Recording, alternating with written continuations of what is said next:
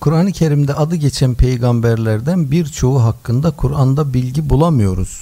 Yani e, bu, bu insanların kimliğiyle ilgili, misyonuyla ilgili, yaşadığı dönemle ilgili, kavimleriyle, münasebetleriyle ilgili bilgi bulamadığımız peygamberler var.